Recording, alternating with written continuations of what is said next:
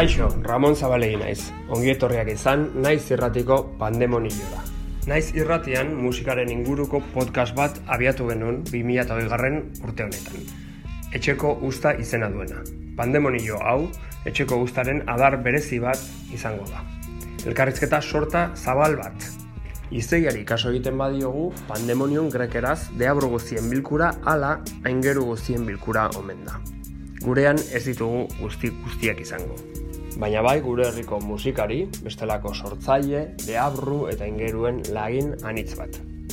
Pandemonio nitzaren beste esanaia, naspia omen da.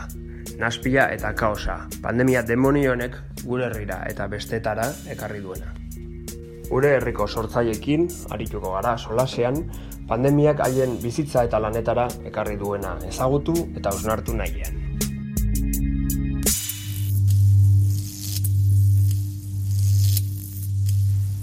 Naiz irratian zaudete eta hau pandemonioa da. Gaur pandemonioan usue paskual dugu.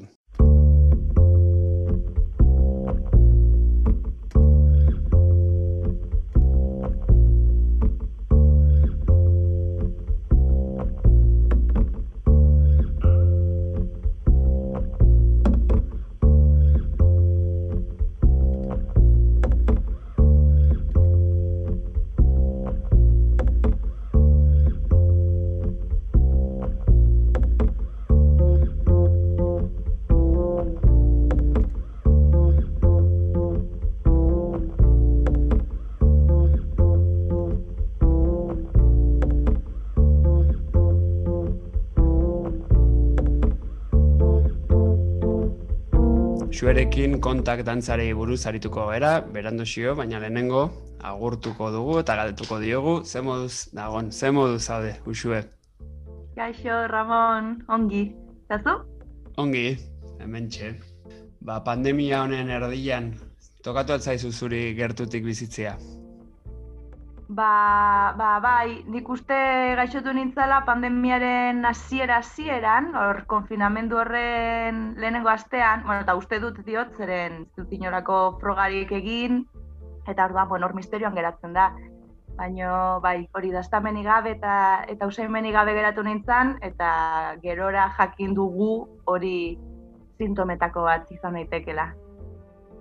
Birusa beraz, gertutik ezagutu duzu, Eta virusaz gain baita ere pandemiaren ondorioz hartutako neurri zorrotz guzti hauek hain denbora luzean bizitzen ari ditugunak eta hain aldakor eta gogorrak direnak.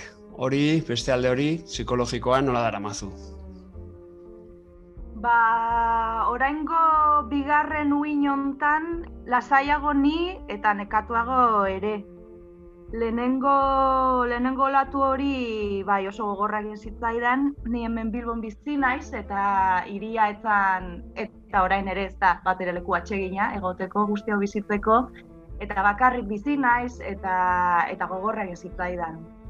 Oso gogorra batez ere konfinamenduaren amaiera hori etzanean ikusten noiz amaituko zen, deskonfinamendua eta hor egontzan arau erokeri guzti hori. Eta bai, eta beinontzan ba hori nekatuagoak borrokarako eta protestatzeko indarrik gabe ja egia esan onartzen Neke hori sortzen duten alde negatiboak nabaria dira baina momentu baten hobesten ikusi diozu alde honik guzti honi. Bueno, nik bai sentitu nun ba, lehenengo uin horren batez ere lehenengo astetan bai auki geniola olako errebelazio kolektibo batzuk, ez? Nik uste hola, gizarte bezala bai gertu genura edo konturatu ginala nolako erritmoa genera ma nolako excesoan bizi ginean eta nik uste lehenengo fase hortan bai bai atera geniola etekina gelditzeari eta ba hori hainbeste denbora eta hain, hain distrakzio gutxi eukitzeari eta harremanak hain mugatuak izateari eta nik uste hortik bai bai gauza politiak atera zirela bainerezako eta bai guztiontzako ere. Gero hori lusatzen juntzen enean, nik uste revelazio horiek biztira galdu zutela. Baita ere munduarekiko ulertu genitun gauza guzti horiek, ez? Ba, naturarekiko eta baina bueno, orain atzera begiratuta ez dakit nun geratu den ulertu genuen guzti hori. Zukurteak eman dituzu kontak izeneko dantza mota, dantza estilo edo filosofian ba, murgilduta, praktikatzen eta baita ere topaketak antolatzen. Lehenengo azalduko diguzu pixkat zertan datzan kontakta. Bai, kontak improvisazioa, hori da bere izena bizenak horiek dira. Bada dantza garaikidearen adarretako bat, da? Ba, estatu batu sortua, iruro eta margarren amarka inguruan edo. Eta, bueno, bere izena oso argia da, kontakta, kontaktuan oinarritzen den dantza mota da, orduan fokoa jarrita daka, ba, gorputz kontzientzian eta gorputzaren kontaktuaren bitartez ba, jasotzen dugun informazio guzti horta. Bai, ba, espazioa, lurra eta beste gorputzak. Eta improvisazioa, ba, hori improvisatua dalako. Ez da dantza koreografiko bat, momentuan gertatzen da, eta eta, eta hori da bere zentzua, hortik azten du. Gure arteko distantzia hain garrantzitsua den momentu hauetan, edo bintza hain azpimarratua den momentu hauetan, kontaktak badutokia. Ze proiektu zen dituzten martxan eta nun geratu dira? Ba, nik uste, jo, bizitzen ari geran guztionek mm, kolpatzen du kontakta bere, bere zurrean, ez? Bere barne-barnean, ze kontaktuan norberarekin eta bestekeko kontaktu hortan oinarritzen den da, dantza izanik ba, bueno, legalki edo gaur egungo gaur egun daukagun marko legal honetan lekurik ez dauka. E, bai ordea badakan ikuste bausnarketa bezala, ez? Karo, gaur egun egunero gaude gure ingurukoekin kontaktu horren kontziente, zen gertu gaude jendearekin, nola nahi dugu izan gerturatuak, nola nahi dugu izan ikutuak, eta bueno, kontakta disiplina bezala hori lantzen du. Eta, bueno, genituen proiektuak hori gaur egun kontakta da, ba, nik uste dut epidemiologo baten amets gaizto argiena horre da. Gainera, bueno, kontakta hori lehen esaten dizu nola ez dantza koreografiko bat, ez da performatiba, ez da antzerkietan egiten, praktikatzeko modua jamak dira, eta orduan dira espazio irekiak, e, edo norretor daiteke, eta modu librean dantzatzen da, eta hori, oza, gortutzen arteko kontaktua eta gertutasuna da funtseskoa. Orduan genituen proiektu guztiak denak bertan bera geratu dira pandemia hasi. Bueno, hemen Euskal Herrian elkarte badaukagu eta elkartearen programazio guztia kantzelatu izan da. Mm Eta ezakizute programazio hori noiz jarri alko dan berriz ere martxan, edo noiz ekimenak antolatu alko dituzuen, edo... Ideiarik ez. Ideiarik ez. Karo, bigarren uinontatik nolaterako garen ere, karo, lehenengu inortan, joaten zirenean apurka-apurka gauzak baimentzen, baino kontaktari ordua esitzaion inoiz iritsi azkeneko hilabete guzti hauetan ez egon egoera legala kontakta praktikatu alizateko. Eta orain ere, ba hori, pixka bat dauzkan ezaugarrien gatik, ez dakigu, dakagu ideiarik ere, noiz egin izango dugun libreki. Mhm. Gainera, daukan beste ezaugarri bat kontaktak da, ba, komunitateak ere garrantzia daukala, eta elkartzea, elkarrekin egotea, eta ez bakarrik hemen bilbokoak edo euskal herrikoak, baita ere, ba, beste lekuetako komunitateekin loturak oso sendoak dira, eta asko mugitzen gara leku batetik bestera, eta hori ere, ba, gaur eguneko gure mundu hontan hmm. gauza komenda. Kolpelatza jaso du beraz, kontaktuan oinarri duen dantza disiplina honek, kontakt improvisazioak, eta komunitateak ere, baina zuzeu, sortzaile bezala, nola bizitzen ari zara guzti hau, nola eragin zaitu piztu altzara, itzali zera, motivazioa galdu duzu, gauza berria sortzeko gogoa piztu zaizu. Karo, kontaktaren munduan nien ez sortzaia, nien aiz hortan, hortatik bizi, baino egia da, e, batez ere konfinamendu gogor gogor horretan, beste gauza askok bezala kontatak ere hartu zuen bere formatu digitala. Eta jende asko haritu zen, ba, ba hori interneten bitartez bai klaseak eskaintzen, eta bai karrekin norbera bere etxean dantzatzen, eta bueno, jende askorentzako garrantzitsua izan zen, ez? Ba, hori gorputza mugitzeko, sentitzeko, gorputzaren konsientziarekin ba, konektatzeko eta guzti hori, eta jende askok ba, orkitu zuen hor leku polit bat. Eta, bueno, orain ere, ba, ontaz bizi direnak ari dira bere moduak aurkitzen, bai ordenagailuaren bitartez, eta, eta bueno, baita bide berriak aurkituz, ez? Ba, klaseak bola, bakizu, pilateseko bola handi hauekin eta beste modu hauetan ematen, eta, bueno, beste, beste modu kontakta transformatzen, ez?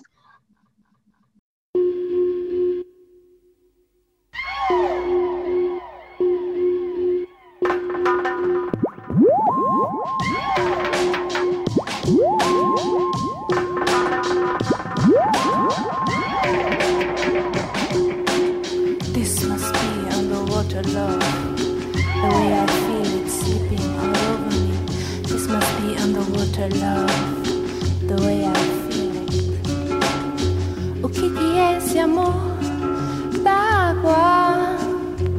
Deve sentir muito parecido a esse amor. This is it on the water, love. It is so deep, so beautiful. Programa honetan izan ditugu zenbait sortzaile, egoera honen aurrean, konfinamenduan, ondoren ere, behaintzat oikoak ez diren arloetara, edo behintzat ezain oikoak, jo dutenak. Behaien sorkuntza lana bideratu dutenak, arlo berri edo ezain ezagunetara. Zure kasua ere, antzeko izan, ezta? Bai, jo, bizi genuen, bizi izan genuen konfinamentu hortan, jo, lehen esaten genuen bezala, ez? Zain beste denbora eta eta hain distrakzio gutxi edukita nik pila margotu nuen etxean. Ego nintzen, ba hori, egunak eta egunak, eta, eta pila bat eko izi nuen. Neri gustatzen zain margotzea, baino geroztik egia esan, konfinamendutik atera dudan gauza honetako bat, izan da benetan marrazketa ikasteko gogoa, eta, eta horren ondorio hasi nahi zaurten ikasten, eta jo hori eskertu behar diot konfinamenduari. Orduan, hausnarketarako eta erabaki batzuk hartzeko aukera eman, eman dizu ere, guzti honek. Bai, bueno, egia da, hori, konfinamenduaren lehenengo aste horietan, hori, revelazioa handien eta novelak idatzen nahi genituen aste guzti horietan, ba, ba hori, niretzako gutxinez, baina inguruan ere ala gertatzen zitzaion jendeari kontatzen zuten, ez hori, sormena oso piztua zegola, baino gero lusatzen eta lusatzen joan zen hortan, eta hori ez, norbera bere etxean itxita eta inspirazio iturri gutxi horiekin niretzat sormena juntzen apurka apurka itzaltzen ere, eh? gero udan piztu zen berriro, itxasoa ikusterako. A, sormena berroa da piztuta egon da, baina sorkuntza lan horiek bideratzeko ba, moduak, tokiak, bideak ez daude hain piztuta aspaldian, e, kontaktarekin aipatu duzu moduan, baina beste arro batzuetan ere. Kulturgintza behiratzen badugu, kulturgintzari harreta jartzen badiogu Euskal Herrian, nola ikusten duzu egoera? Bueno, zentzu hortan, eh, Niri pixka gogorra egiten zait, edo zai honen inguruan hitz egitea zen nien ez kulturgintzatik bizi. Ni, bueno, irakasle bezala egiten dut lan, eta nire iritzi izango da, oza, ziur nago joan jende askok barrutik bizi duenak badaukala honen inguruko iritzi askoz ere ba, fundatuagoan nik baino mateko. Nik ba, kulturaren konsumitzaile bezala ikusten dudana ba, bai, katastrofe bat, ez? Batez ere hori lehenengo olatu hortan, eta ez bakarrik katastrofea, baita ere hain garrantzitsua izan zen hilabete horietan, ez? Jaso genuen kultura guztia ordenagailoen bitartez, ba, modu guztitan, ez? Eta ikusten ziren artistako, raien edukiak, haien lana, jartzen eskuragarri mundu guztiarentzako eta horrek auki duen errekonozimendu eskasa eta hemen nik nire inguruan ezagutzen dudan jendeak ba, gaizki pasadu, bai antzerki gintzan, eta pasatzen ari da, antzerki gintzan, dantzan, zirkoaren inguruan, musikariak noski, eta, bueno, hemen Bilbon udaren ostean eskaintza piztu da, apurka, baina hori oso murriztua, oso jende gutxirentzako dago lekua, eta, bueno, naiz eta saiatzen garen denok optimistak izaten, ez? Eta jendeak kontatzen dizuna da, bueno, ba hor gabiltza martxan eta bar, ba, ba oso gogorra egoera, ez? Danentzako. Aipatu duzu irakaslea zerala eta horrek behar bada emango dizu olako ikuspegi ba, zabalago bat o sakonagoa. Urrengo galdera erantzuteko, distantzia fisikoa, maskaria, gure harremantzeko modua, aldatu da, aldatzen ari da. Zertara eramango gaitu guztionek? Ba, irakasle bezala eta eta bueno, persona bezala noski noski iruditzen zaidala gure harremantzeko modua aldatzen ari dela. Esango dizut gehiago nabaritzen dudala hiritar bezala, irakasle bezala baino, zeren mm. bueno, eskola oso arraroa da gaur egun ikastola baten barruan egotea, ikasturtea atzeratu zen, ikasleak aste pare bat berandago iritsi ziren eta haien zain geunden bi aste horietan egia esan nik ezin nuen imaginatu ere nola izango zen ikasturte hau. Ze protokoloak irakurrita hori, banan, banan, pasioetatik hileran jun barzuten, banak aserita daude ezin ditugu talde lanak egin, eta, eta oso zaila zen imaginatzea hori. Horan ja hiru hilabete dara mazigu hor martxan, eta noski oso arraroa da, ni egunero nago ikastolan ehundaka personekin sartuta eta nire aurtengo ikasleei ez diet inoiz aurpegia ikusi. Ez da nire lankidei ere. Eta, eta nabari da, nabari da, ez da hori bakarrik, ez dugu elkarrekin bazkaltzen, ez dugu elkarrekin kafe hartzen, norberak bere txokoak aurkitzen ditu, eta, eta nabaritzen da, gure arteko harremanetan, nabaritzen da ekipo lanean. Gero, nerabeak nerabe direnez, eta badaukaten ez horrela hainbeste vitalitate eta hainbeste espontaneitate, ba, pixka bat, bueno, gogoratzen digute, ez? Nola, nola remantzen ginen lehen ere. Ia zan oitu gara eskola, ni oitu naiz, ja, anormalitate berri ontara. Oitu naiz ikasle erdiak pantailan ikustera, beste erdiak klasean eukitzera, eta ni egia esan, naiz eta baldintzak zaiak izan, zeren hori nik ezin ditut nire gurasoak ikusi, baina egunero nago hogeita hamar irakaslerekin irakasle gela batean eta hirurogei ikaslerekin klase ematen, naiz eta baldintzako lakoak izan, ni oso posi nago eskolan jarraitzarekin, elkarrekin egotearekin, ikasleak ikustearekin, et, eta nahiko nuke hola jarraituko garen, etxean itxita egon gabe. bai. Aipatu duzu eskola baino bortitzagoa iten zaizula hiritar izatea momentu honetan kaleko aktivitatea oso mugatuta dago edo oso arrarotuta, norena da kalea. Kalea gurea da. Nik ikusten dudan hemen Bilbon bizita da kalea dela hain zuzen geratzen zaigun bakarra. Ia ez dagolako lekurik nun egon. Orduan, orain, tabernak itxita daudelarik eta ezin dugularik iritik atera, bilbotar guztiak gaude, gainera egiten ari duen eguraldi honekin, denak gaude kalean.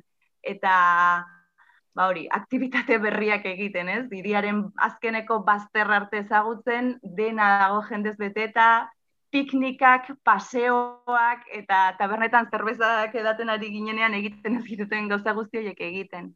Gero, dakigun bezala, ba, ezin dugu nahi dugun guzti hori egin, ez? Kontrolatuta gaude, vigilatuta gaude, beti dazkagu begiak gainean, hala ere, nik sentitzen dut orain iria aurreko konfinamenduarekin konparatuta, nun hori hemen Bilbon oso oso gogorra izan zen egon zen ba, poliziarekin egon ziren estena pila bat, batzuk asko iritsi ziren WhatsApparen bitartez jende askori, eta orain, bueno, lasaiago bizi du guzti hau. Ez dugu aipatu, baina historia irakaslea zera, eta historiak irakatsi digu, edo hori esaten dute, jendartea, olako egoeratan, ez egon kortasuna eta beldurra nagusi diren egoeratan, kontserbadorea bilakatzeko eta autoritarismoa indartzeko arriskoan dagoela. Ikusten duzu olakorik orain, Bueno, nik hau sentitu nuen oso oso argiki lehenengo latu hartan, ez? Eta niretzako hau izan zen, hola maia sozialean gogorren egizitzaidan gauzetako bat.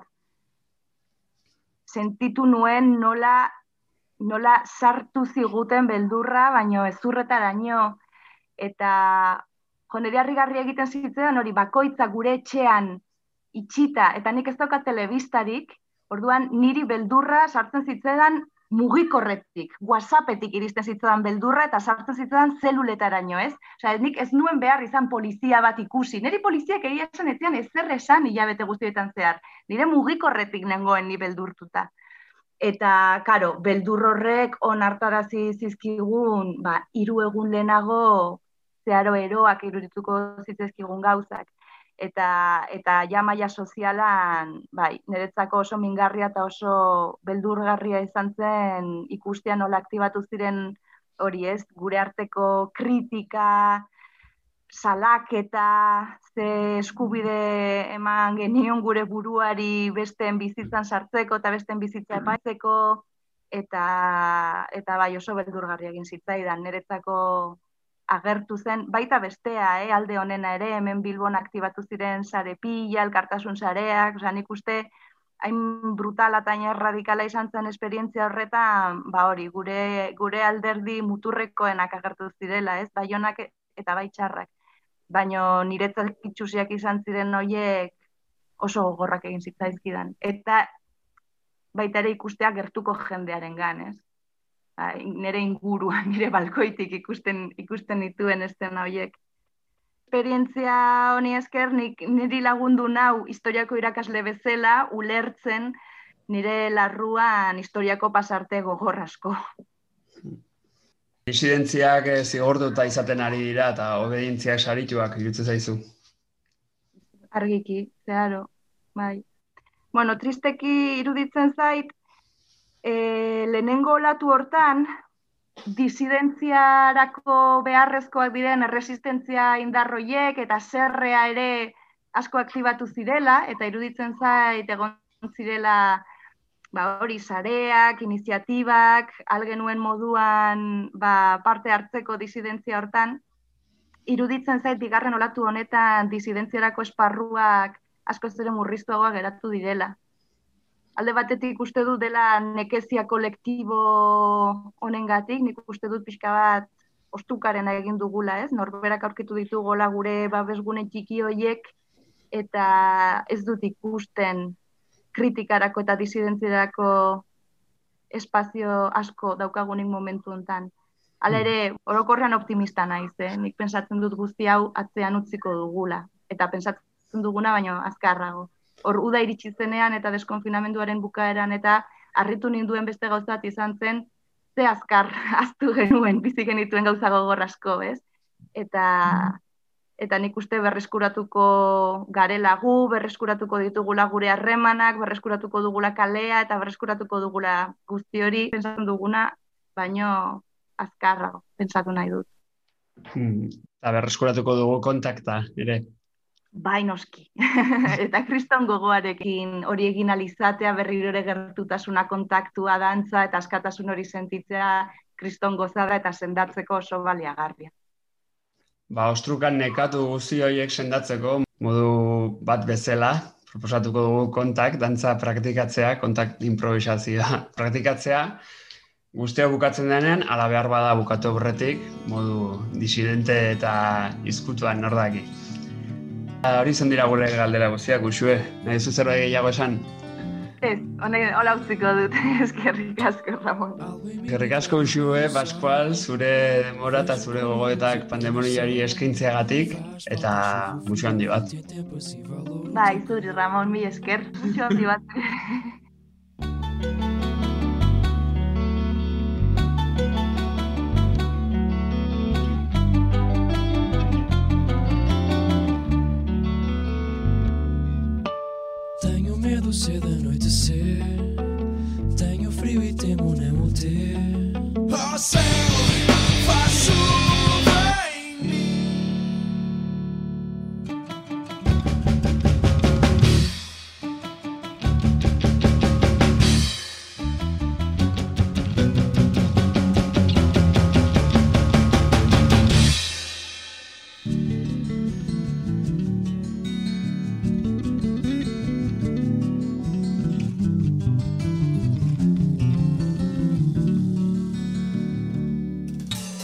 até soubessem passar mal. Tal e qual as caras num postal. Não quero assim, mas estou assim. Eu temo mal, mas quero lá voltar.